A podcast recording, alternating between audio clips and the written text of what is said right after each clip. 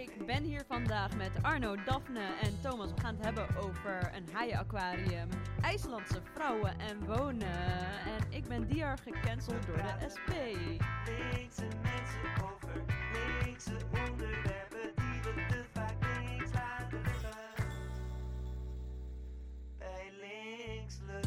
allemaal, het is even geleden, maar we zijn er weer. Woep woep, we zijn er weer. We zijn er weer en we hebben ook weer een, een haaienaquarium eh voor jullie. Ehm, die ik eh, meteen ga introduceren trouwens. Ik wil wel Ehm, even zeggen dat we er zijn met cocktails. Dus niemand weet wat er gaat gebeuren. Hele Alleen maar lekkere cocktails. Hele lekkere Kijk, cocktails. ja, kijk, dat is wel, eh, dat En is wel het cake. voordeel. En cake. Maar Er die is ook nog een- onderweg. Die komt er nog We aan. wachten ook nog aan. Dus als jullie op een gegeven moment ping horen, dat is Cake niet... en cocktails. Nice. ehm, ja, waar staat ping nog steeds? We zijn niet aan het pingen eh, op- onze Blackberries. Wat? Dier, jij bent, Dier, jij bent zo oud. Jij bent Maar- zo oud. Jezus. Nee, dat is echt de meest millennial opmerking die ik Oh ooit my god. maken.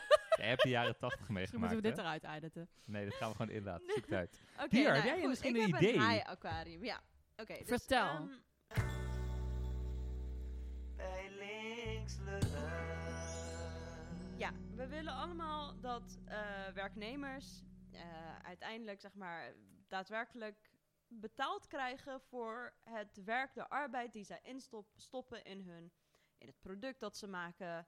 Ehm, en dat krijgen ze op dit moment vaak niet, toch? Dus waar, waar ik aan dacht is, ehm, of nou ja, eigenlijk of dat, dat, eh, nou ja, qua duurzaamheid ook, dat, dat kleding ehm, eh, daadwerkelijk duurzaam gemaakt wordt. Dus eh, eh, dat het niet, weet ik veel, ge- gekapte bomen zijn.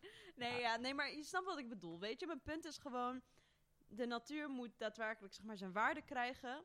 Ja. voor, voor, voor waar het ook vandaan wordt gehaald. Katoen, eh, metaal van een iPhone. Eerlijke weet ik, prijs. Eerlijke prijs. Een eerlijke, precies. Een eerlijke prijs voor dingen. Want wat we nu betalen is vaak niet een eerlijke prijs. Of nou ja, het is wel een eerlijke prijs, maar ja, driekwart gaat naar de baas of CEO. Dus dacht ik, weet je wel, je hebt een, een, een webshop of een winkel. En daar kom je binnen en ehm, dan moet je kopen. eh, dan moet je eigenlijk, heb je drie prijsklasses. Prijsklasse 1 is eigenlijk heel cheap. Dus je betaalt eigenlijk gewoon ja, eigenlijk gewoon de slechtste prijs. Weet je wel? Dus het is eigenlijk gewoon net.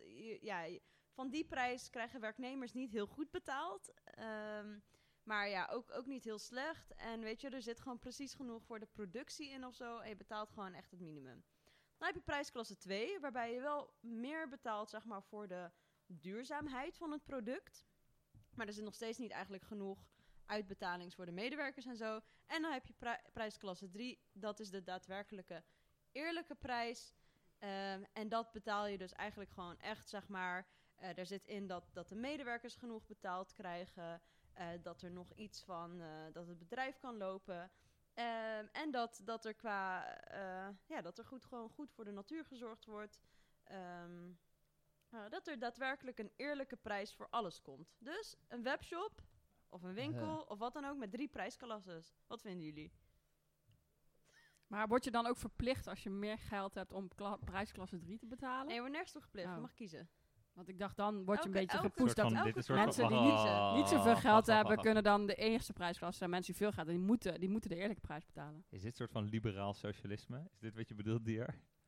Van, hé, hey, hey, we kunnen het eerlijk doen, maar hoeft niet hoor. Je kan ook gewoon mensen blijven uitbuiten als je dat liever doet hoor. Dat is of, ook zie of zie je dan, als je de eerste prijsklasse betaalt, dat je er zo bij ziet van die eh, kinderen met Een heel zielig bloed aan hun Afrika. handen ja, ja, en de- Daphne, de, de poverty werkers. Ja, maar Ja, dat je dan dat ziet mensen jij doet. manipuleert. Ja. Arno, wat En is dan zeg maar, is in de prijsklasse 1 dan de winst van, van de baas wel gewaarborgd? Want, zeg maar, ik zou hem Ehm. misschien e- eerst, eerst willen omdraaien. Dus zeg maar, beginnen bij eerlijke prijs voor arbeiders en Ja. milieu. En dan zeg maar bij prijsklasse 3 zeg je, nou ja, Hey, misschien die moeten we... baas die, het ooit, die ooit dat bedrijf is gestart, ook nog wat geld. die geven we ook nog 50 cent, weet je. Die, Ja, die heeft ja, ook zijn ja, moeite ja, gedaan. precies. Ja. Dat ja. klinkt meer als klasse 3 als waar we het net over hadden. Ehm, hey, misschien eerst even goed om uit te leggen wat je... Want er zit een beetje een aanname hierachter, hè? Dat we verwachten dat alle luisteraars dat ook al denken en vinden. Ehm, want je zegt net, nou ja, je werkt ergens en dan krijg je wel een loon. Maar dat is eigenlijk maar een heel klein stukje van wat jij gewerkt hebt. De meerwaarde die je hebt gemaakt voor de organisatie waar je Ja, werkt. precies. Misschien kan je dat even dat toelichten voordat we je idee afvakkelen. Ja, Ja, toch? thanks. Ja, ik heb nog wel zometeen even... Nou ja, goed. eh, ik ik ga nog niks Komen ze nog eh, allemaal zeggen. feiten en cijfers Nee, aan? ehm, nee, dat komt Dan nee, geloof ik. ik Ben, het. ik, ben, ik ben Thomas niet. Maar ehm, ja, nou ja, kijk, stel je, ehm, je, je werkt aan een product. Stel je maakt, weet ik wel, een t-shirt. Je bent een eh, werknemer eh, in eh, Bangladesh. En je naait t-shirts van de H&M. H&M, don't sue me. Ehm, Het is pu- puur een hypothetisch voorbeeld. Ehm, nou, je, je naait een t-shirt en nou ja, stel jij krijgt eh 50 cent per uur daarvoor betaald. Ehm, en je produceert nou ja, een hoop t-shirts in, in zo'n uur. Maar ja, H&M uiteindelijk die verkoopt zo'n t-shirt voor 10 euro. Ehm, nou, dan ga je vanuit, er zit ook nog wat nou ja, kosten in vervoer in en zo. Maar goed, uiteindelijk, ehm, wat jij aan waarde in dat t-shirt hebt gestopt en waarvoor het uiteindelijk eh, verkocht wordt, daar zit nog wel al een verschil in, in zeg maar, in wat je uiteindelijk krijgt en hoeveel, ja, hoeveel jij waard bent eigenlijk en hoeveel eh, Ja, dus de, je eigenlijk zou ja. moeten krijgen. Ja, en de dat, baas betaalt dat je altijd gaat dan naar de Ja, aandeelhouders. de baas betaalt je altijd minder dan de baas verdient aan jouw Ja, werk. Anders precies. zou de baas je niet betalen en je niet Ja. in dienst hebben. En er wordt ook wel die surplus value genoemd, waarmee Oeh. ja, die uiteindelijk... eh, Marxistische termen over Wow. ja, die, die in de zakken van de baas eh, eh, verdwijnt. Een, Dus eh, dat een is, mooi eh, anekdotisch voorbeeld hiervan is van een pizzeria in een eh, Amerikaanse staat. En die pizzeria zei, hey, we gaan één keer gaan we werknemerswaarderingdag doen op een vijfde van september. Ja. Eh, vijfde van juli? Nou, hou me daar niet aan vast. Een En- dag. Een, een dag, en hij een dag na een feestdag. Eh, en nou, zeiden ze op deze dag, na deze feestdag, volgens mij is de 5th of July was het, ehm, zeiden ze, betalen wij onze medewerkers alles wat we in het eh pizzeriaatje aan geld binnenharken op die dag. Eh, kosten eraf, et cetera, bla bla. En normaal krijgt dan zo iemand daar, nou, als ze het al goed hebben, 10 dollar per uur. En waar denk je dat het heen ging? Ze kregen alles, er ging niks aan de baas. Alles ging naar de medewerkers. Wat kregen de medewerkers omgerekend per uur? Normaal 10 en nu 20? 25. 30? 74. Nee joh! Wow. Wat? 74 dollar per, Per uur. Wow. Kwamen ze daar niet meteen in opstand daarna om dit te behouden of zo? Hier houdt mijn kennis van deze anekdote op. Mm, Google een ik ook niet zo goed anekdote. of ik Ja. dan heel blij zou zijn. Zeg maar, Ja, yes! Op dat moment ben je wel blij met het dag geld. per jaar. Veel Reëel loon. betaald. Ja. Te gek. Ja, Oké, echt hè? en dan gaan wel we... FOMO hebben om die rest van de Ja, dagen van het jaar. precies. Ja, En dan realiseer je je wel, wordt het wel heel concreet hoeveel je dus eigenlijk zelf verdient. Hoeveel geld dus Ja. naar iemand anders gaat die basically niks doet. Of Ja. Misschien heel zijn er doet. zes medewerkers in een, een staat in Amerika met heel veel revolutionair potentieel op dit moment. Ik denk dat dus we die maar eens moeten gaan opzoeken. "Godverdomme, eh, al dat geld dat ik Ja. elke dag, elke Ja. week, elk jaar misloop. Maar dit is volgens mij een beetje waar je het over hebt. Hè? Dus in situatie 1 krijg je dan dus die paar eh, dollar Ja. per uur. In situatie 2 krijg je wat ietsje meer. En in situatie 3 krijg je de hele taart. Ja, En dan ook precies. de- Ja, dat is eigenlijk wel... Maar eigenlijk zeg jij dus ook dat kleren dan goedkoper worden. Want ik, ik heb altijd een beetje het idee als het Nee, ze worden duurzaam niet en een. Dus is dat het duurder is. Die eerste prijs. klasse, waarvoor je bedoelt, dat is eigenlijk het, het goedkoopste wat je als consument betaalt. Ja, En die, kla- kla- zeg maar, die laatste klasse waarin zeg maar, iedereen milieu eerlijk ook mee betaalt is. en milieu wordt meegenomen en alles eh, vrolijk en eerlijk, die krijgen zeg maar, eh, dat, daar betaal je dan ook het meest voor. Ja. ja, Dus precies. laten we zeggen, een ik- derde van de prijs, twee derde van de prijs en Ja. de volle prijs. Ik ben wel benieuwd of mensen dan daarvoor gaan kiezen. Want ik vind het wel grappig. Las het laatst namelijk nog een artikel over eh, dat Extinction Rebellion had actie gevoerd bij de H&M. Tegen hun greenwash label. Je hebt bij H&M zo'n conscious line of zo. Mm. En dat, ik merk het zelf ook. Dan sta ik in de H&M en dan zie ik zo'n shirt. Ja, sorry luisteraars. Ik ga ook wel eens naar de H&M. Shame, shame, Lieve shame. H&M, klaag Eh, ons aan. Dan Klaag eh, ons alsjeblieft aan. hebben ze zo'n Alsjeblieft. conscious line. En dan voel je toch als koper dat je denkt... Oh, dan is dit iets beter. En het ook net iets duurder dan de Mhm. andere kledingstukken. En dan denk ik, nou ja, dan koop ik in ieder geval nog een beetje iets beter of zo. Wat natuurlijk fucking onzin is. Want H&M doet helemaal niet conscious eh en doet hun aan kleding. En- kinderarbeid in Zuidoost-Azië. Dus ik vond dat hè, tof dat eh Extinction Rebellion een actie ging tegenvoeren. Want het is gewoon greenwashen, maar dan ja... En gewoon je klanten misleiden natuurlijk. Ja. Maar ik denk dat het misschien in die zin wel werkt. Dat mensen wel graag ook eerlijke producten willen kopen eigenlijk. Dan moet je dan eens voorstellen, zeg maar, als je wel eens zo'n zo'n merk-t-shirtje ziet van 40 euro. Moet je eens bedenken hoe die dan in categorie 3 is. Dus dan heb je zeg maar, dat is Ja. productiekosten 5 euro of 8 euro. Dat is wel Dan veel, man. ongeveer 30 euro voor de baas. En dan nog een paar euro voor een Ja, dus medewerker. ergens, merkkleding eh, wordt wel daar. goedkoper misschien. Nee, maar moet je eens voorstellen dat je een van de Armani shirt in categorie 3 koopt. Dan ben je gewoon 120 euro voor een t-shirt kwijt. Omdat je sowieso nog die 40 euro winst nodig hebt. Dan Dan, heb je nog, Ja. dan moet je werknemers ook nog een keer eerlijk loon betalen. Nou, minimumloon van 14 euro. Nou, daar gaat wel een uurloontje in zitten. Maar Ja. die er, dus als ik jou goed begrijp, Ja. zit het aandeelhoudersdeel en de winst, dus de, de meerwaarde die de arbeider produceert in het normale model, de wereld waar we nu in leven, Ja, dat laat je erin zitten. Alleen in de, in, dat, in de duurste klasse betalen we de arbeider een, ook een eerlijk loon. Dus laten we Ja, zeggen ja, bijvoorbeeld een minimumloon van precies. Ja. 14 euro. Oh, dus Ja. er zit nog steeds de Ah. deel naar de baas in ook. Ja, ja. ja. Ah, zit een- er zit dat is wel Maar het is gewoon elk bedrijf Zij moet dat doen, weet Ja, je wel. oké. Elk bedrijf moet dat invoeren. Dus voor, dat de, je voor de elk theoretici, bedrijf drie prijsklasses laat zien. voor de theoretici onder de luisteraars zit er een vorm van accelerationisme in. In de zin dat... Zo! Ja, dan hebben we het weer, ja, hè? even met Vertel, term In de zin vertel. dat- nou ja, ik had het net over dat Armani-shirt. Kijk, als je dat daadwerkelijk voor Ja, 120, lekker 150 Armani. euro gaat verkopen, dan kunnen mensen in ieder geval wel ergens tot de conclusie komen van, wow, dat is echt heel veel geld. Dus dat je, hè, als je het deel van de baas weglaat, Mhm. dat je dan misschien daadwerkelijk op een reële prijs uitkomt. Ja. Waarbij ook nog eens daadwerkelijk wordt gedacht aan het milieu en wordt gedacht aan, aan hè, arbeidersrechten. Alleen we dan het deel van de baas even vergeten en zeggen, nou ja, weet je, Ja, misschien ja. moet die dan gewoon geen winst pakken Ja. op die t-shirt. Wacht, is er nou een klasse waarin de baas genaaid wordt of niet? Nee, dat is een simpele vraag. Nee, maar het is een soort bewustwording. Ik vind dit een soort van al- win-win-win scenario. dit is een soort van win-win-win scenario van een kapitalistisch systeem waarin iedereen het goed krijgt. Maar uiteindelijk moet toch iemand dat ophoesten en dan blijf ik toch alleen de baas spekken. Ik Dus eh, rondje ik ben doen. cynisch. Voor of tegen High Aquarium? Maar Ik onthoud me van deze stemming, Oh, dat kan maar ik ga niet. zeker me niet hiervoor inzetten, nee. Nee. Daphne. Nee, ik denk dat ik er ook niet mee ga. Ik ga liever met Extinction Rebellion protesteren bij de H&M, waar ik soms mezelf ook schuldig aan maak Ja. door de, van de? Conscious Line te kopen. Ja, ik ga voor het accelerationisme. Ik ga gewoon helemaal ermee in. Ja joh, doe maar. Om die bewustwording Oké, te ik, maken. ga Ja, jullie- ik ga jullie verlossen. hoe is dit? Oké, laat maar. Ik heb- doorheen. Verlos Ja, ik net als Shell. Iedereen wordt boos op Shell omdat zij geld geven aan bomen. Van, oh, wil je 3 cent extra betalen? Dan wordt iedereen boos van. Zegt ze, ah, fucking kapitalisme. Dat zou ook werken. Ja, kijk. Ik ga jullie Verlos ons maar, Dier. Dier. van- Verlos me. van de- van Je ziet er wel tussendoor even heel schattig uit met die Ja, kat op foto voor de Insta. Fidel. Fidel zit er Hallo, Fidel heel schattig bij. Sorry voor de luisteraars. Als je op ons Instagram volgt, kan je regelmatig foto's van Fidel voorbij zien komen. Die meedoet met onze podcast. Ga verder. Oké, nou kijk. Ehm, ik ehm, zal jullie verleiden. Het was een beetje een test dit. Het was geen echt high aquarium. Tuurlijk willen we niet. Tuurlijk wil ik niet drie, drie prijsklassen aan de consument weerleggen. Nee, nee, nee, nee, nee, nee, nee. Dit slaat helemaal nergens op. Maar ik was hier dus triggered over. Want ik zag via... Ik zat op Instagram een beetje te scrollen. Dan krijg je 300.000 eh, advertenties eh, op je af. Eh, en omdat ik een beetje geïnteresseerd ben in activisme en linkse shit... krijg je dan ook, zeg maar, van die sustainable brands. Oh Eh, ja, ja, dingen. dat zie ik ook heel vaak. En dit sokken en zo. Ja, precies. En de- dit onderbroeken BH-merk, volgens mij... Oh, ik heb dit ook gezien, volgens ja, mij. Die, die adverteerde dus met dat ze zo trots waren op dat ze drie prijsklasses hadden. Dus de eerste prijsklasse was letterlijk van, oké, we, we, nou echt precies wat ik vertelde net. Eerste prijsklasse, je betaalt gewoon echt puur gewoon een soort van net de waarde van alles. En iedereen krijgt een beetje betaald.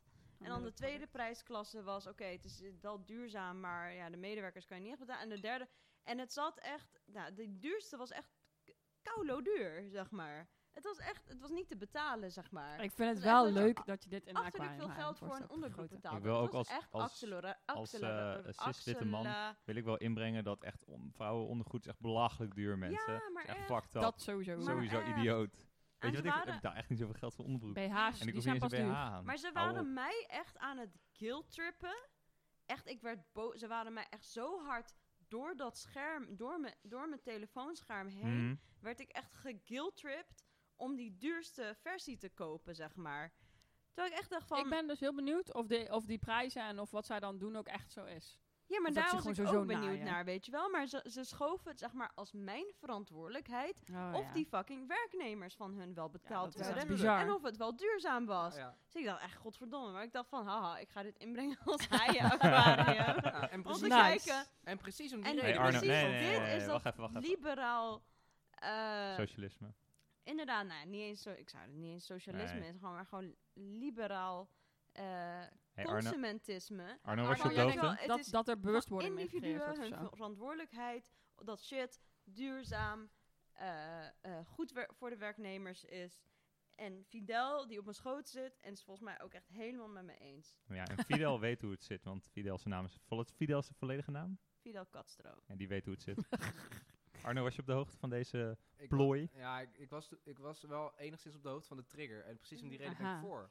Ik bedoel, ja, weet je... iedereen als, triggeren. Als mensen zo getriggerd raken door dit soort prijzen... eh, laat je het woede hand in hand gaan met het goede dat je doet. Ja, laat maar- maar mensen boos worden. Nee, maar ik heb dus het idee dat er gewoon op ook hele oprechte, goedbedoelende klimaatactivisten die zeg maar die net, net in de game komen, die denken van oh ga wat goeds kijk, doen." kijk deze, kijk deze brand, die laat heel eerlijk zien Ja, dat er drie prijsklassen zijn en oh oké, het, is- het is mijn verantwoordelijkheid dat ik die hoogste prijsklasse betaal, Er is, weet je wel? er is denk ik geen onderzoek naar gedaan... maar ik zou het wel willen weten... in hoeverre de haat naar Shell groter is geworden... sinds zij CO2-belasting Ja, kunnen doen aan de true. pomp.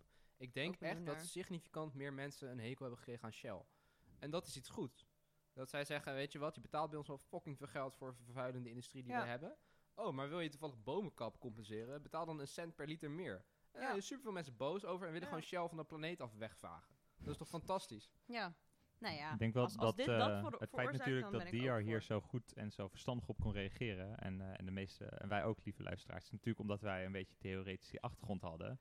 En dat wij dan zeggen, ja, maar sorry, eh, voor elke werknemer die er ergens is, moet meerwaarde gemaakt worden. Anders is die werknemer niet en heeft de baas er niks aan. En ja, in de realiteit is dat voor niet voor elke organisatie evenveel. Hè, best wel veel eh, kleine bedrijven, die, ja, die hebben komen moeilijk rond. Is gewoon wel ook zo. Maar ja, die mensen werken er alleen maar als de organisatie, als de baas, als de aandeelhouders meer aan die personen verdienen dan dat het ze kost. En dat jij dat weet, dat helpt Ja. wanneer je dit voorbij ziet komen. Als je dat niet weet, zou je Nee. kunnen denken... ja, ik vind ook dat mensen eerlijk loon moeten krijgen. Ik heb de voor 14 campagne gezien. Oh ja, en Ja. als het dan mij meer kost, nou vind ik dat ook prima. Ja, Terwijl dat de gedachte daar dus ergens al fout lijkt te gaan. Want het hoeft dus niet voor jou altijd meer te kosten. nee. Nee, exact. Ja, maar Ja. het is net heel erg misleiden op dat mensen iets goeds willen doen of zo. Ja, ja, precies. Ja. Maar ik ben wel benieuwd, luisteraars, wat, wat, wat jullie vinden hiervan, weet je wel? Ja. Of de- ja, het kan, het kan ook dat je denkt van ja, weet je, binnen deze kapitalistische wereld is het wel goed om mensen bewust te maken van wat waarde is. Of je denkt, of je denkt, ja, Sorry, de luisteraars konden dat niet horen, Arno. Nog een keer, Arne. Ethisch consumentisme bestaat niet binnen het kapitalisme. ja, of je denkt, heel goed, want accelerationisme. Ik sprak het goed uit dit keer. Woehoe, 10 points voor dear. Dat vind ik alleen al heel knap. Of je denkt net als Fidel, dit idee is onzin. Fidel We was gaan gewoon slapen. een plan economie nodig. Ik vind het wel heel schattig, sorry dat ik weer over Fidel begin, hoe je zo'n pootjes aan het masseren bent. Soort van zijn voetjes zo aan het... het- Echt een schattig. Luisteraars, krijgen hier echt- filmpjes en foto's van. De kat vindt alles goed. Behalve kapitalisme, dat vindt Fidel niet goed. Is er nog meer gebeurd in de Jullie wereld? zijn echt door de test heen gekomen. Ja, ja, ja. Ja. Hey, wie Ja. dacht, Nou, je vertelde Hey, het overtuigend, even, wie dacht je dat er ging falen dan? Nou ja, ik, Ik. ik was gewoon... Zij dacht, Daphne is ook beïnvloed door Instagram dat door die advertenties. Nee, ja, eh, ja, leuk, ik- is ik leuk was ondergoed gewoon- trouwens, ik of was- niet? Ehm, ja, het was echt zo'n zo'n organic merk, weet je wel. Het Van- alles zo, Oh, maar dan is het al organic. Oh. Ja, Ja, maar organic zegt dus ook helemaal Ik niks, hè, want dat hebben we ook- aangaan over vrouwen. Ook Nee. hebben we ook al die. H&M en Zeeman en zo hebben ook allemaal zo'n etiket organic tegenwoordig erop, maar dat zegt ook helemaal niks. Ja. Vooral als het dan vervolgens nog in drie lagen plastic zit Maar ik, zal, ik, ik, ik had jullie echt het, het merknaam gegeven, maar ik, Nee, ik dat kon doen het we niet meer vinden. Ik weet het niet meer. nee, maar ook, dat dus, door shame on dat ja, dan bedrijf. kon je ze gewoon shamen, weet je wel. Ja, en shame on H&M hoor. Fuck hun. Ja. Allemaal. En Primark. ja. Nee, alleen, Sina. alleen de H&M. Alleen de Hennets en Maurits of zo? Shell. Ja, Shell. Shell, Alles- Shell is oké. Shell is altijd Shell is kut. oké. Ik zag op reclame dat ze echt goede dingen doen. Ik zag een keer, ik zag een keer, toen, ging ik echt, door Europa rijden. Dat was helemaal ik zag een keer zo'n bewegende, van die hele vervelende, echt. Godsamme, wat een plan toch? ik zag een keer zo van die vervelende bewegende reclame, weet je wel, van die hele videoschermen, wat ik al tergend vind. Bewegende En dan, reclame. ja, en dan van Shell met een vrouw met afrohaar, kijk naar diversiteit, regenboogvlag, Oh, CO2, God. goed. Ja, en toen dacht ik echt, dit is echt zo cringe. Echt Maar goed. pinkwashing. Ja, nogal. En Over vrouwen en pinkwashing gesproken. We hadden niet nog een ander onderwerp. Wow, wat een bruggetje. Leuk Ja, bruggetje. echt hè, over vrouwen en pinkwashing. Nou, Vandaag. jij was trots op ik was IJslandse blij. vrouwen. Ja, IJslandse vrouwen. Dan denk je, huh, IJsland, huh? Nou ja, daar zijn vrouwen? de vrouwen, huh, huh? Nou ja. ik krijg gewoon mee. Oké, in IJsland zijn verkiezingen geweest. En dat is nu het eerste land in Europa. Ja, want IJsland hoort bij Europa. Maar goed, never mind. Ehm, waar, waar nu een meerderheid van vrouwen in het parlement zit. Dus toen dacht ik, zo, lekker bezig. En toen ging ik even opzoeken. Precies. In Nederland is maar 35% in het parlement is vrouw. Dat vind ik toch best wel laag. Dus ik vond het wel leuk. Het dus Gefeliciteerd eh, allemaal. Gefeliciteerd. Eh, Zijn er nog andere Gefeliciteerd met IJslandse vrouwen, Daphne. Gefeliciteerd Dank je, wel, dank je. Ik, ik vond het wel een leuk nieuwtje. En, Het eh, eerste Europese land. ja, als eerste Ook Europese land waar de meerderheid van vrouwen... eh, ja, dan ga ik wel Dan vraag ik vanuit. nu te veel van je. Ja, nu Maar- vraag je Ja, ik maar ik ga gewoon door op iets Nou, anders. wacht even, wacht even. Waren er dan nog ook andere landen in de wereld die het wel ook een beetje op Zeker, orde hebben? zeker. In Ru- Rwanda hebben ze al heel lang eh meerderheid van vrouwen in het parlement. En in eh, Nicaragua en in Cuba. Hey, dus hè, westers die zo feministisch en zo emancipa emancipator zijn. En in Rwanda heb ik al een keer eerder gelezen, daar werken ook heel veel vrouwen bij de overheid en zo. Dat komt omdat er in Rwanda in, ik weet even niet welk jaar, sorry, volgens mij jaren tachtig ergens een hele grote genocide is geweest. En daarna is er een hele grote wederopbouw, sorry, wederopbouw gekomen. eh, waarin ze heel erg eh gepusht hebben dat vrouwen dus ook bij de overheid gaan werken in het parlement gaan. Dus daar hebben ze sinds 2003 al een meerderheid van vrouwen in het parlement. En ze hebben daar ook best wel strenge regels over dat je minstens zoveel procent vrouwen in hoge functies moet hebben en zo. Wat voor mij laat zien dat dat ook wel weer werkt. Als je dus zo'n quota instelt, dat dat wel effect heeft. Ja, dit is wel echt de aflevering waar we onze luisteraars alleen maar aan het foppen zijn. Want wat een belachelijk punt is dit weer, Daphne. wat een onzin. Heb je ook gekeken waar die vrouwen vandaan zijn? Welke partij ze vandaan komen, wat ze vinden? Of was het alleen maar belangrijk dat ze toevallig een bepaald geslachtsorgaan hebben? Eh, dan- Oeh, shame on Daphne alweer. Ik eh, vond het wel leuk dat er veel vrouwen in het parlement zaten. Maar eh, ja, ik heb nog niet... ik weet dat ze wel daar groene linkse beweging hebben. Oh, Taart. de taart is Ja, klaar. de taart. Oké, die gaan we zo de overheid halen. Maar het ondermijnt mijn hele betoog. Nee, in, in IJsland heb je volgens mij de linkse groene beweging. eh, maar to be honest, ik weet het niet. Misschien Ja. zijn het allemaal vrouwelijke VVD'ers. benieuwd naar het, het samengestelde parlement van IJsland. Uiteraard. We hebben de cijfers ik heb, opgezocht. ik heb hè. er nooit in verdiept. Thomas heeft cijfers. Kom maar op. Ja, maar dit is toch wat we allemaal denken hier aan tafel. Mooi verhaal, maar eh, maakt toch meer uit ik dan of je alleen ik maar moest in alle eerlijkheid wel een beetje denken aan die meme van dat plaatje waarbij er bommen worden gedropt en dan daarna van de Republikeinen en daarna, oh, Black Lives Matter bommen, yay, woe, Pink bombs. Pink bombs, yay. So nice they're coming from a woman. Ja, Such a nice, Ja, maar such a Kamala nice is wel, weet, ik Kamala part is wel, weet je, ehm, maar ik heb me niet verdiept in de IJslandse politiek, dus voor je het weet is er gewoon een soort socialistische helstad uitgeroepen sinds eh voor Feministische afgelopen week. socialistische je weet het niet, hè? Dat Scandinavische landen, weet niet of IJsland er een beetje bij hoort. Het kan zomaar gebeuren. Ehm, we hebben het opgezocht. Ehm, de, grootste partij, de grootste partij, ze hebben 63 eh, zetels daar in hun kamer. Zo is een kleine kamer. Eh, ja, er wonen ongeveer 200.000 mensen, dus relatief gezien hebben ze heel erg veel zetels per persoon. wat ook wel weer leuk is. Interessant. Eh, ander verhaal voor een andere dag, hoe dat in Nederland heel slecht geregeld is. Eh grootste partij met 16 zetels is een soort van CDA-VVD-brand, een soort van liberal conservative. worden we nog niet heel vrolijk van, toch, Daphne? Mm, Nee, nee. Wel veel Nee. vrouwen of niet? Eh, ja, dus bij al die partijen vrij veel vrouwen. Oké. Ehm, zover ik het begrijp. Ik ben niet heel goed in IJslands. Eh, tweede partij is een soort van eh, D66 slash boerenburgerbeweging. Net wat je wilt. Bijzondere combi. Oké. Ja, het is agrarian, but also progressive. Dus ik denk, ja, misschien dat ik het verkeerd lees. Het zou stiekem een soort van Partij van de Dieren kunnen zijn, maar er stond right wing. Dus ja, vertrouwen we Wikipedia aan deze. Ook weer jammer dan. Boer-burgerbeweging. Ja, Maar dan met BBB. innovatie. ja een soort van met een, vleugje Met volt. regenboogvlaggen. Ja, ja, vleugje volt aan de BBB. Nice. Volt BBB met innovatie, ja. Nou, dus dat is dan ook een Mm. grote. Eh, dan hebben we de links-groene beweging. Dus gewoon GroenLinks weer. Dan hebben we de Sociaal-Democraten. Hebben we niet echt in Amsterdam, Nederland meer. Nou, Juist heel veel. dat is het probleem. Een Mensenpartij, wat een soort van eh ja, rechtse club is. De Piratenpartij. Nou, die kennen we ook in. Nederland. Zes zetels. Dat is of- eh, 10% van de stemmen. Best veel. Best boeiend.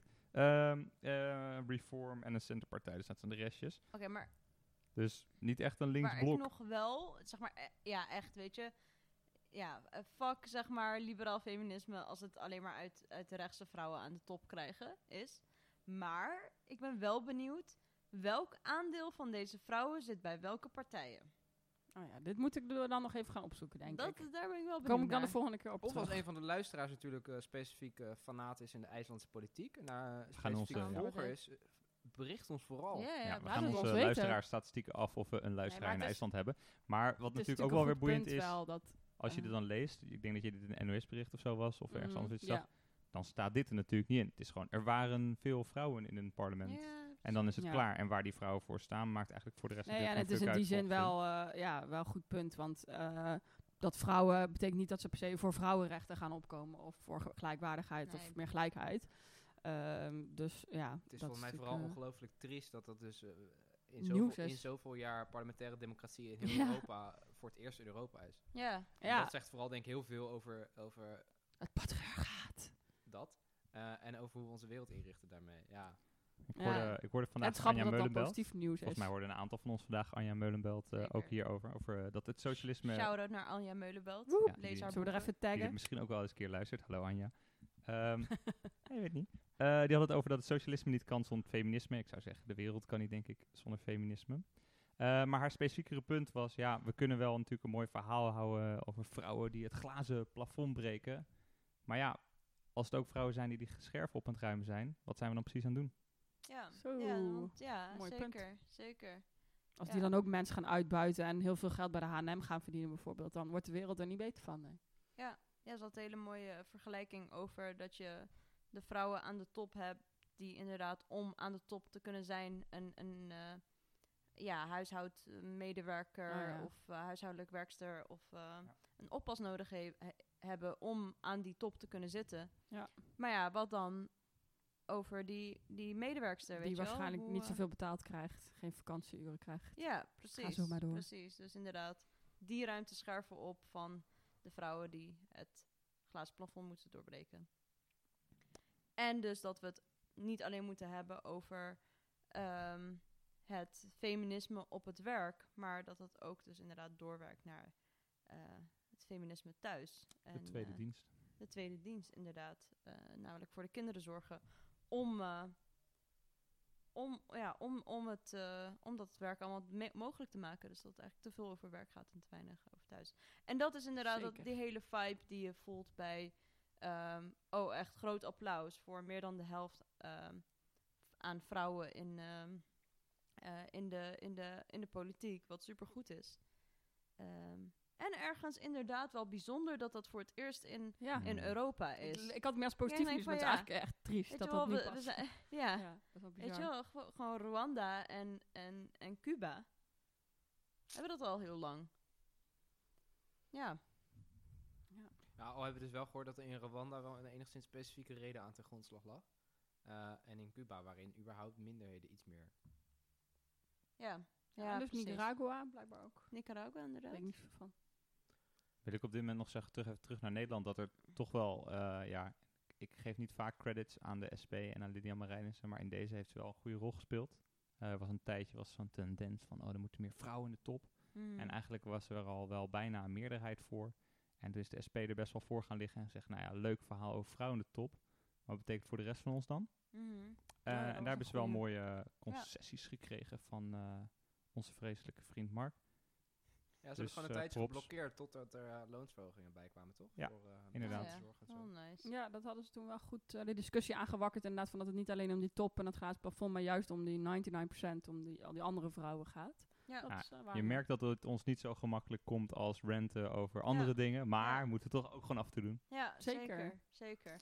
Oh ja, en mm, om misschien Over ook wel een beetje een, een, een bruggetje te maken. Wat ik dus Ik ben laatst hoorde. benieuwd. Bij Ja, wat ik laatst hoorde is dat dus een hoop vrouwen door de wooncrisis ehm, eigenlijk nog soort van in een, in een abusive, in een eh, of in een slechte relatie, in een, eh, eh, in een abusive, gewoon een gewelddadige relatie blijven, omdat ze bang zijn dat ze anders op straat komen en niet meer aan een huis komen. Dus dat dat ook wel echt slecht is, de wooncrisis ook daadwerkelijk slecht is voor feminisme. En dat is een beetje mijn bruggetje eh, van, eh, van feminisme naar wonen. Zo. Ehm, en dat heeft natuurlijk allemaal met elkaar te maken, want alles hangt met alles samen. Ehm, Arno, jij hebt je de afgelopen tijd best wel veel bezig gehouden met wonen. Ja, ik Vertel. woon Brand hier los. en ik eh, woon in een huis. Nee, Ja. Ik, eh, ik was betrokken bij de organisatie voor het woonprotest, wat twee weken geleden intussen alweer eh, plaatsvond. Waar Hey. 15.000 mensen in het Zo. Westerpark, 15.000 mensen. in het. Westerpark in Amsterdam met een eh, toch vrij vergaand verhaal eh, stonden. Ehm, en er toch een soort breed politiek besef lijkt door te dringen dat die wooncrisis eh, real, real is. Dat die er echt bestaat eh, en dat die voorlopig ook nog niet weg is. Eh, en wat ik het mooie vond, is dat er gewoon 15.000 mensen ook opstonden met de boodschap: dit is gewoon onderdeel van politiek beleid geweest. Dit is doelbewust gecreëerd. Misschien niet altijd met deze bedoeling, maar zeker wel met dit resultaat. Ehm, en als iets beleid is om iets te veroorzaken, dat betekent dat er ook beleid mogelijk is om het weer op te lossen. Eh, dus dat er ook vrij veel kracht uitging in mensen die zeiden: we kunnen hier wat aan veranderen. Eh, er is voor, voor de luisteraars thuis, er is op dit moment een gigantische belasting eh, voor verhuurders van sociale huur. Dus voor mensen die een betaalbare woning opleveren. En als jij vervolgens denkt, nou, zo'n betaalbare woning, die gaan we gewoon in de vrije sector verhuren. Dan hoef je in één keer geen belasting meer te betalen. Eh, dan kun je misschien nadenken over wat voor prikkels dat geeft. Dat geeft vooral de prikkels om dingen zo duur mogelijk te verhuren. Want dan betaal je geen belasting meer. Ehm, Dus, En- wacht, heel elf. Ja, wacht even. Dus je- Arno je- gaat zo in zo'n heel verhaal zitten. Je, je nooit, eh, bevestigt dus, zeg maar, dus heel even. Dus als ik zeg maar echt niks doe met mijn ass, hè. Ik zit gewoon, ik heb zeg maar misschien een rijke daddy en ik verhuur, zeg maar, en, en die koopt, en daarmee koop ik een extra huis. En ik verhuur die en daarmee verdien ik shit, gewoon geld. En ik doe verder niks. Ik hoef dan minder belasting te, be- te betalen dan als ik fulltime zou werken. Zeker, ja. En, en, en, dat, dat, en dit is, wordt nog erger. Want terwijl je de huur vangt, wordt ook nog eens het huis wat je verhuurt gewoon fucking veel meer waard. Dus je pakt aan de ene kant geld door huurinkomsten, omdat je zegt, nou, ik, hè, en eens in de zoveel tijd verschijnt er een leuk filmpje op internet. Een tijdje geleden was het Ryan Babel die op TikTok ging uitleggen hoe je Oh huizen ja, kunt oh verhuren. Dat is toch zo'n voetballer? Dat is een Ja. voetballer, ja, zeker. Eh, Ali B heeft Afgelopen ook... tijd eh, eh, was het bijvoorbeeld Sander Schimmelpenninck die dan voor een leuk ING-reclamefilmpje gaat vertellen over hoe makkelijk het is om pandjes te verhuren. Ehm, het is een soort hype om, zodra je wat geld over hebt, om te zeggen, ik investeer dat in een huis. Want dan kan ik zowel dat huis verhuren, daarmee kan ik mijn eigen huis, de hypotheek afbetalen met die huur. En vervolgens kan ik ook nog eens een paar jaar op dat huis gaan zitten, als het, zou, als, als het ware. Eh, en in een jaar of vier, vijf verdubbelt mijn prijs ook nog eens. Over, Ja. eh, ik kreeg dus dit soort reclame kreeg ik dus dan op mijn Instagram. Ben je gewoon lekker aan het swipen, Oh niks aan doen met je tijd. Een beetje de bank liggen en brak aan het zijn. Nee, je krijg je vermogen over. En dan krijg je filmpjes hey, vermogen over, do you also want to be wealthy? En dan, eh, ja, buy houses, random out. Ik denk, yo, wat betekent dit? Jij, ik, wij die hier huur betalen, wat toch de meeste mensen die aan het werken zijn in Nederland. Ja, die betalen dus geld, meestal aan eh, iemand anders. We kennen ze waarschijnlijk niet. En die mensen gebruiken dat geld om hun eigen vermogen te vergroten. Betalen minder belasting dan als wij zelf hard aan het werken zijn. Daarvan worden ze rijker omdat wij hun eh, hypotheek aflossen en weet ik veel wat we met het geld doen. En ons huis wordt meer waard, waar zij ook nog eens de vlucht gaan plukken. Ja, hou op met me. Ja, dus Hoe, Arno, Ja, Is dit ik nou vind het echt gekomen? bizar. Nou, hoe, je- hoe dit is gekomen, we hebben bijvoorbeeld een, een ministerie voor wonen hadden we. Eh, en dan was minister Ja. Blok was daar eh, minister van. we gaan niet te lang terug in de geschiedenis. Stef Blok bestaat nog steeds. Hoeveel er ministers het. Hij geleden? Er op dit stappen moment- zoveel ministers op. Ik denk dat minister Blok op dit moment minister is van ongeveer zes ministeries. Omdat de rest van de, van de ministerraad is opgestapt. Eh, dus minister Blok is eigenlijk in zijn eentje het kabinet, samen met Rutte en Henk Kamp. dat is denk ik de conclusie. Yep. Ehm, en minister Nee, we Blok beginnen heeft... gewoon in onze historie gewoon bij Stef Blok. Toen, er is veel voor die tijd gebeurd, er gaat veel naar. Maar hier beginnen we even het verhaal en dan zitten we hier een hele En aflevering hij was dus minister van Wonen en hij heeft dat ministerie opgegeven. En eigenlijk de enige, enige taken die hij heeft uitgevoerd in zijn vier jaar ministerie van Wonen is buitenlandse beurzen bezoeken om daar aandeelhouders of investeerders te verleiden om in Nederlands vermogen of in Nederlands vastgoed te gaan investeren. Je moet even helpen, want nu in mijn hoofd staat hij soort van op een podium een spannend dansje te doen om mensen te verleiden. Hoe ging dat? Nou, dit is veel minder spannend. Stef Blok Shit. is gewoon een vrij houten meneer, dus die moet je ook niet veel laten dansen, denk ik. Maar hij stond er lang, gewoon toch? letterlijk op zo'n beurs, zoals je, zoals je een beurs kent. Zoals je misschien ooit op een intromarkt bent geweest of een beurs kent. Of ooit een keer op een, eh, weet ik veel wat voor beurs, de huishoudbeurs bent geweest. En er staan allemaal kraampjes. En er stond dus ook Stef Blok met een kraampje. En er staat dan International Housing, The Netherlands. En daar was een mooie website voor ingericht. En dan gingen ze mensen promoten dat wij de huren gingen dere- eh, dereguleren. Dus dat betekent, de huren mogen gewoon onbeperkt stijgen. Dat was ons, eh, ons motto in, dat, in die tijd. En daarmee gingen we dus buitenlandse investeerders verleiden om in Nederland te zeggen... Hey, eh, er wordt binnenkort een groot appartementencomplex opgekocht. Wil je niet één pand? Wil je niet gewoon meteen het hele appartementencomplex kopen voor een paar miljoen? Dan kan je dat mooi verhuren. En dan Maar kan de je overheid jaar- heeft dus een website gemaakt om dat te promoten. Ja, zeker. In het. Engels. Dat is fantastisch. Dus daar wordt eigenlijk de Nederlandse sociale huur in de uitverkoop gedaan aan buitenlandse investeerders. En nu zeggen we, wat is het, een jaar of 10, 15 later, poeh, gek dat de voorraad zo omlaag is idee. gegaan. Gek dat de huren zoveel duurder zijn geworden en dat het allemaal Ja, onbetaalbaar is. Dus in die periode ging men inderdaad sociale huurwoningen verkopen en dat moest. eh, en er was een manier hoe ze dat stimuleerden en dat is die belastingmaatregel waar je het net over Ja, had. dat is die verhuurdersheffing. Dus we hebben in, in de Nou, In de crisistijd, eh, tussen aanhalingstekens, hebben we gezegd, oef, oef, oef, wat hebben we het zwaar. Laten we nu gewoon een belasting heffen op betaalbare huurwoningen. Eh, dat hebben we toen gedaan, want crisis, och, och, och, we komen geld tekort. Ja, en nu is het eenmaal onderdeel van de begroting. Dus nu is de crisis, was Maar je de bedoelt crisis dat je... eh, die verhuurdersheffing is voor de verhuurder. Dus de sociale corporatie die moet geld, meer geld betalen. Ja, per ik geloof per vier sociale huurwoningen die ze hebben, eh, betalen ze voor één sociale huurwoning extra aan belasting, om het zo maar te zeggen. Aha.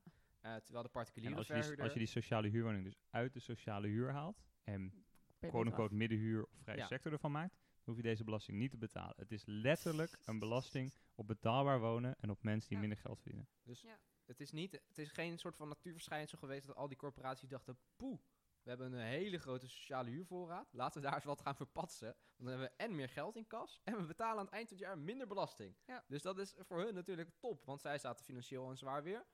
Eh, en ja, hun, hun kerntaak van mensen eh, huisvesting garanderen, dat namen ze sowieso al een tijdje niet serieus. Ja, daar was ook wel shit mee. Ja. Ja. Dus eh, woningcorporaties zijn kloten, daar hoeven we ook niet, eh, die hoeven we ook ja, niet te veel precies, beschermen. ja. Ehm, maar het feit dat er een belasting op heerst, dat, dat Ja, dat maakt wel het extra exemplarisch hoe de overheid actief heeft aangestuurd op deze wooncrisis.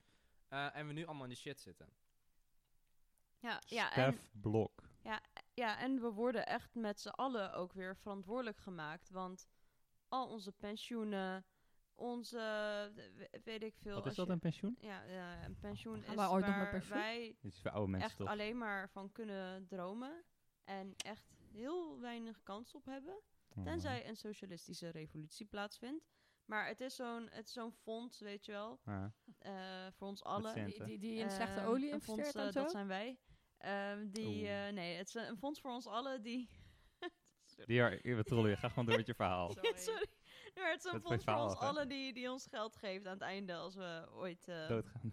nooit bijna doodgaan. Dan krijgen we nog geld. Om van je Want oude dagen te Oh ja, genieten. ja, precies. Dus er, Ah. maandelijks eh, gooi je daar iets van je loon aan. Als je ZZP'er bent, dan moet je het allemaal zelf regelen. Dan ben je ook fucked. En dan ben je fucked, inderdaad. Maar goed, die pensioenen, dat is een enorme pensioenpot. Sick, veel die, gaan geld. dat, die gaan daarmee beleggen. Want die gaan er weer, eh, weet je wel, de wapenindustrie. Als, Hey. Dat maakt veel winst. Weet je wel, Centen. dan kunnen ze van die centen kunnen ze weer meer maken. Maar ze kunnen het ook in shit investeren waar je geld ook weer verdwijnt.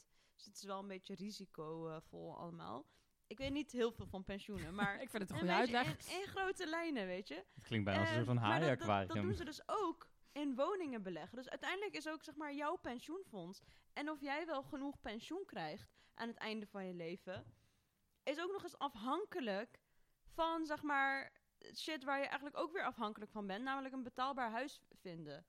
Dus Dus die du- dure huur die de je betaalt je.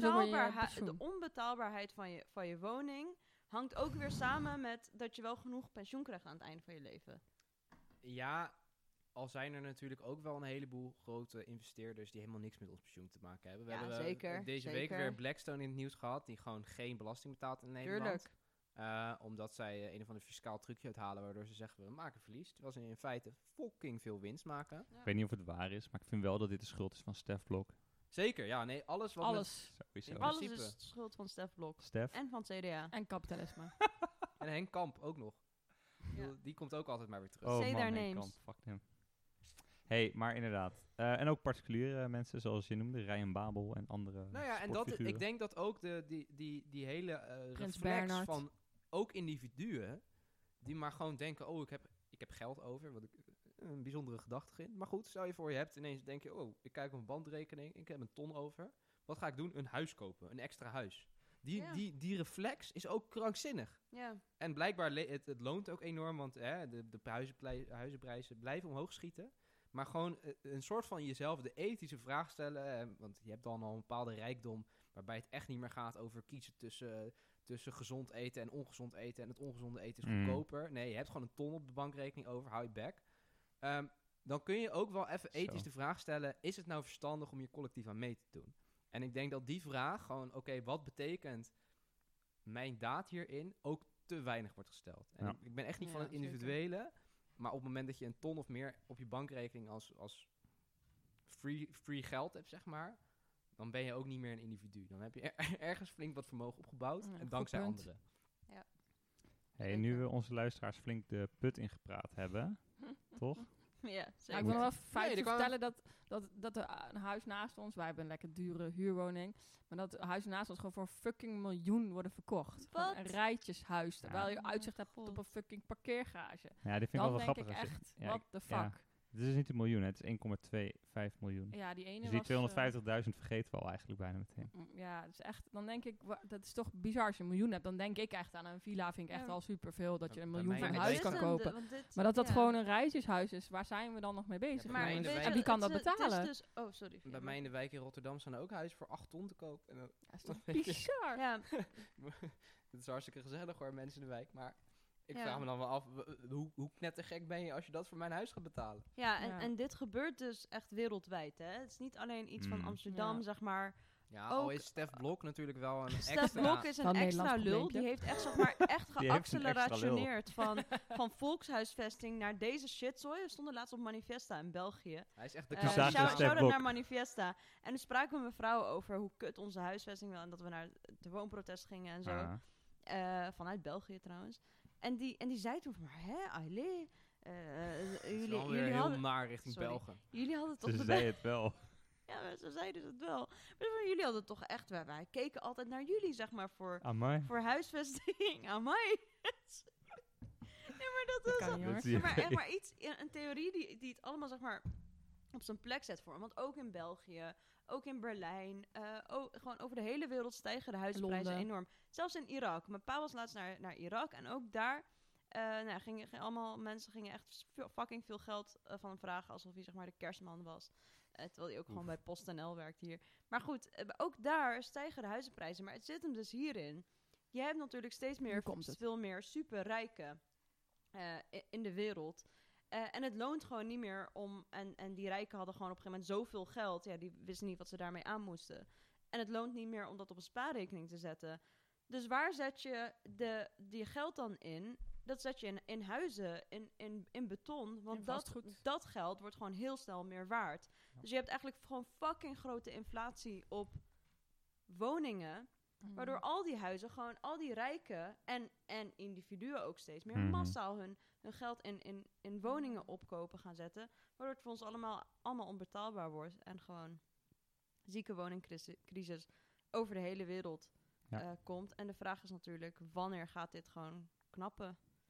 Ja, En we, gaan, we gaan kijken we al een beetje met zo'n schuin oog krijgen we naar Arno die straks de, de oplossing gaat bieden. klappen? En die alles gaat eh, oplossen. Dat is natuurlijk niet zo. Wanneer gaan wij gaan- het klappen? Maar we gaan nog wel even nog wat extra problemen aan toevoegen. Dat is eh, een website die we allemaal wel eens gebruiken. Air. Airbnb. Hey. Ja, inderdaad. Die zijn ook fantastisch goed in het opdrijven van de. Ja, Google gebruiken we ook Ja, wel eens. Maar Eh, ja. Airbnb voegt, maakt het makkelijker voor een private investeerder om winst te maken op die woning. Dus koop je een woning en dan zet je, hem op Airbnb vuren. Dan kan je fucking veel geld aan verdienen. Ja, dus er gaan steeds meer mensen gaan het opdrijven, gaan het doen. En eigenlijk is het weer zo'n vorm, zoals die al net al zei, hoe dan de huisvesting, hè, de volkshuisvesting waar we het vroeger over hadden in Nederland, tot een markt is geworden die bedoeld heeft om winst te maken. Centjes te verdienen voor de superrijken, zoals net genoemd. Maar ook zoals de particuliere investeerder om de hoek. Ook de pensioeninvesteerder, eigenlijk al het geld dat bezig is met veel winst verdienen. En dat is eigenlijk heel raar, hè? want zo'n dak boven je hoofd, dat gaat niet over dat dat huis 4 ton, 8 ton, 2 ton waard is. Dat maakt je eigenlijk niet uit als je er woont. Het gaat erom dat het ding werkt, misschien niet lekt, leuk is. Maar ja, schijnbaar gaat dat niet meer waar wonen tegenwoordig over gaat. Dus wat gaan we doen, Arno? Arno, fix doen. Nou, us. we zijn natuurlijk al met 15.000 mensen in actie gekomen. En je Nou, dan kunnen we nu thuis blijven, dus dat klaar. dat- nou, nou, nou, je zag vooral dat het werkt. Eh, Nou, je zag van tevoren ook. Je dat zag- vond ik interessant. De van tevoren was elk medium op zoek naar Ja. een eigen perspectief om erop aan te haken. Alle Mhm. politieke partijen sprongen er bovenop. Zelfs de VVD Zelfs de probeerde, fucking VVD. probeerde te claimen met Daniel fucking Koerhuis die, eh, die een poster voor zijn voor zijn deur had hangen. Eh, terwijl hij het probleem is, maar goed. Ehm, je zag dat het werkte en je zag ook dat tijdens de hele algemene politieke beschouwingen, na Prinsjesdag voor de mensen die het eh, niet, niet mee hebben gekregen, het ging eigenlijk alleen maar, als er geld te verdelen was, over wonen. Eh, kunnen we wat aan de verhuurdersheffing doen? Kunnen we extra geld vrijmaken om woningen te bouwen? Ik viel echt van mijn stoel toen eh, de JFK van de GroenLinks, eh, die zei, wat is nou het grootste probleem in Nederland? Dus ik denk, nou, GroenLinks, wat gaan ze zeggen? Klimaat. Klimaat. Wat zei die? Wonen. Wonen. Ik viel van mijn stoel. Nee. Kan je nagaan Nee, wat nu zo'n is het echt een woonprotest... groot eh, probleem. Nu is Als het nu is- GroenLinks dat zelfs GroenLinks zegt dat het een groot wonen probleem. zeg Hou maar, op een groot probleem zijn. Wow. Ja. Wow, Ja, Ja, dan dus, zie je maar, dat is en- Mainstreaming. één protest, hè? Je hebt één protest, 15.000 mensen en je hebt een half miljard vrij. Als we met trekkers waren gekomen, joh, hou op met me. Kan je nagaan als je 10 protesten doet? Ik bedoel, dan heb je gewoon binnen no time eh, miljarden vrijgemaakt voor, voor Nou, wonen. Eh, en daarom gaan we ook door op 17 oktober in Rotterdam op Afrikaanderpark. Dat ligt Hey. naast De, bekende, Nice. de internationaal bekende tweebosbuurt intussen, waar ruim 600... eh, Shout-out naar Edwin. en Mustafa en Shout-out naar Mustafa. SOIN. m- waar ruim 600 woningen worden gesloopt. eh, en in plaats daarvan ongeveer 100 sociale huurwoningen terugkomen. En voor de rest dure woningen terugkomen. Ehm, daar wordt gedemonstreerd. ehm, en daar gaan we door. Er is intussen ook een eisenlijst ontstaan. Eh, vanuit het woonprotest kwamen er, kwamen er eisen. Vanuit de woonopstand in Rotterdam kwamen er eisen. Maar er was ook een breed gevoel om die handen ineen te slaan. En daar is het woonmanifest uitgekomen op de gelijknamige sitenaam woonmanifest.nl. Ik zou zeggen, check het vooral. Eh, waarbij we ook aandacht proberen te hebben, juist niet alleen voor, oké, eh, de huren moeten iets omlaag, maar gewoon een breder aanpak van de huisvestingscrisis waar we mee te maken hebben in Nederland. Het dakloze eh, niveau dat is verdubbeld in de afgelopen tien jaar. Dus we gewoon een bredere visie proberen te hebben op, oké, Ja. wat is wonen in Nederland en wat Ja. moet daaraan veranderen? Ik vind het ook Ja. heel sterk dat inderdaad punt 1, werd ook vandaag weer nog gezegd. Eh, wat is punt 1? Eh, dat we dakloos uit eh, de- Nederland uit moeten redden- helpen. Ja, Ja. gewoon Dakloos iedereen een dak boven het hoofd, Ja. punt. Moet Ja. aangepakt worden. Zolang er leegstand is, geen Ja. daklozen. Lijkt me een heel duidelijke vraag. En, Molenlegers ehm, eis ook. En ook aandacht voor gentrificatie. Eh, dat eh, arme mensen, mensen van kleur, ja, hun wijk uit worden gejaagd om eh, plaats te maken voor, eh, voor dure, rijke, eh, dure woningen. Ja. Ehm, en dat je gewoon eh, letterlijk racistisch woonbeleid hebt. Ja, want we hebben het nu veel gehad over de klasseanalyse, hè, sociaal-economische Mhm. verschillen. Maar er is natuurlijk ook gewoon expliciet racistisch beleid, ook in wetten gegoten. Zeker. Wie zeker. wil eh, hier even wat over ranten? Nou ja, in, Rotterdam is daar gewoon een vrij helder voorbeeld van. ja, omdat wij Rotterdam eh, gewoon eh, zelfs op papier Ja, zwart op schrijven. we, hebben, we hebben factoren die de, de leefbarometer, wat ik een fantastische term vind overigens, maar vrij treurige uitwerking kent. Een vrij racistisch toeltje. Ehm. Daar zit gewoon een, een percentage niet-westerse allochtonen in. Eh, dus ook een westerse allochtoon is als goed. Hè? Maar op Ja. het moment dat jij als, als Ja. kind wordt geboren in een wijk eh, waarbij je ouders eh, uit Marokko komen of uit eh, Nigeria of weet ik het waar vandaan. In ieder geval alles, wat, Westen. alles wat we niet als het Westen tussen aanhalingstekens eh, eh, benadrukken, eh, dan ben jij slecht, een slecht signaal voor de wijk. Dus dan ben jij slecht voor de leefbaarheid van de wijk. Op het moment dat het percentage groeit, dan krijgt de gemeente een indicator van, oh jee, de leefbaar, leefbaarheid van de wijk die is achteruit aan het gaan. eh, dus daar moeten we wat mee. En dan wordt er dus, ja, dan worden er, eh, zoals we dat mooi noemen, verdichting en mengen van wijken. Eh, alleen het bijzondere is wel dat we dat altijd zeggen over wijken waar veel mensen van een niet-westerse migratieachtergrond wonen of veel mensen die arm Die zijn wonen. mengen en integreren, maar andersom niet. En Kralingen-Oost, wat in Rotterdam toch wel een van de, de rijkere wijken is, daar zeggen we niet van, nou, laten we daar eens wat sociale huurwoningflats neerzetten. En de Hè? leukste Die van, discussie hebben we niet. De, de leukste fun fact wat me nu opkomt is dat, dat ze ehm, eh, in Rotterdam hebben ze eh spraken ze ineens dat, dat Kr- Kralingen, Krooswijk ineens zeg maar vet uit de armoede was gekomen. En dat dat niet meer de armste wijk van Nederland was. Maar dat was gewoon omdat ze Kralingen, zeg maar de rijkste wijk van, van Rotterdam. En Krooswijk soort van samengevoegd hadden als wijk. En toen zeiden, ja, het is meer- Wow. wow. Ja, Krooswijk is enorm- zijn veranderd. Krooswijk is enorm opgepimpt sinds we Kralingen-Krooswijk heten. Ja. Want we Fucking hebben raar. gemiddeldes die omhoog zijn gegaan. ja, en daar gaat ook gesloopt worden, toch? Ik moeten we ook zeggen, een Krooswijk Rotterdam is ook gewoon überhaupt volledig gegentrificeerd. Eh, dus dat is eh, vrij hey, maar, dit is echt op wettenniveau. Ja. Discriminatie in de woningmarkt. Wat, wat gebeurt er nog meer aan discriminatie? Eh, nou, als je eh, een woning zoekt en je heet eh, geen Thomas, maar je heet eh eh, Diar eh, of weet ik veel, eh, Mustafa. Mustafa, dan ehm, word je minder vaak uitgenodigd. Ehm, of dan eh, worden zelfs eisen gesteld. eh er zit een waar gebeurd verhaal van ja, nee, jij moet hier niet komen wonen, want jij eh, gaat heel kruidig koken en dat gaat- het huis stinken. Dat, dat soort shit. Ja, zeker, zeker de particuliere verhuurders. Particuliere vrijheid om verhuurders, Die ja. zetten tegenover tussenmakelaars gewoon Mhm. eisen. Ik Ja. wil geen, eh, geen, Ja. geen arbeidsmigranten, ik wil niet dit, ik wil niet zus, ik wil niet zo. Ja, Eh, onder de noemer van ik wil gewoon een student of weet ik het wat. ja, er zijn, Maar het is vooral uitsluiten van mensen. Ja, er zijn Mm. letterlijk onderzoeken gedaan in Amsterdam waarin Ja. eh, die makelaars daar gewoon eh, hartstikke open stonden voor, voor dat soort eisen. Ja, en het is natuurlijk Dus ook nog gewoon als... door, hè? ehm, Dus eh, Daphne. we kunnen doorrenten. Ja, Ja, Daphne. ook nog als alleenstaande heel moeilijk. Ik zie veel mensen in mijn omgeving net na Ja. je studietijd. Dan heb je vaak studentenkamers die ook al heel duur zijn. Maar daarna zoek je een plekje. Nou, als je dan alleen bent, kom, do- voldoe je heel vaak niet aan de inkomenseisen. Er zijn heel weinig woningen voor alleenstaanden. Ja. Dat is ook, ook echt een groot probleem. Ja, precies. En dan gaan we weer terug naar, naar dat eerste punt van feminisme, naar, eh, Ja. naar Mm. wonen. Dus als je dan in een, in een eh, gewelddadige, abusive relatie zit, Ja. dan, dan, ja, dan heb je de angst van alleenstaand zijn en geen woning kunnen vinden. Mhm. Ehm, en zo zijn we in een loop be- beland. Zo. ehm, Ja, zo kunnen we denk ik nog heel lang dus doorpraten. één- Jij bent naar een einde toe aan het. Inderdaad. Ik wil nog eentje einde. ertussen. Ik wil nog eentje zeggen. Diar. Ja, vertel. Want er is ook nog wel iets interessants gebeurd bij dat woonprotest. En misschien dat je daar een einde aan eh, wil lullen. Ehm, er is een remedie. Dit gaat niet over wetten, maar dat gaat over burgerlijke ongehoorzaamheid en het ingrijpen wanneer je ziet dat er iets misgaat. Eh dat is ook een eis die in het eh, woonmanifest staat, toch Arno? Mhm. Ik zie Arno knikken, misschien wil je nog ja Zeker. zeggen. Ja, zeker. En wat is de eis waar we het dan over hebben? Dan hebben we het over kraken. Ja, eis 10 van een woon woonmanifest is pak leegstand aan. En, en het beste middel om dat in ieder geval tijdelijk aan te pakken is door kraken weer toe te staan. We hebben Ja. eh, Ja, 2010 kraken, wat is dat? Dat klinkt allemaal heel spannend en eng, zeker als je een beetje van onze leeftijd bent.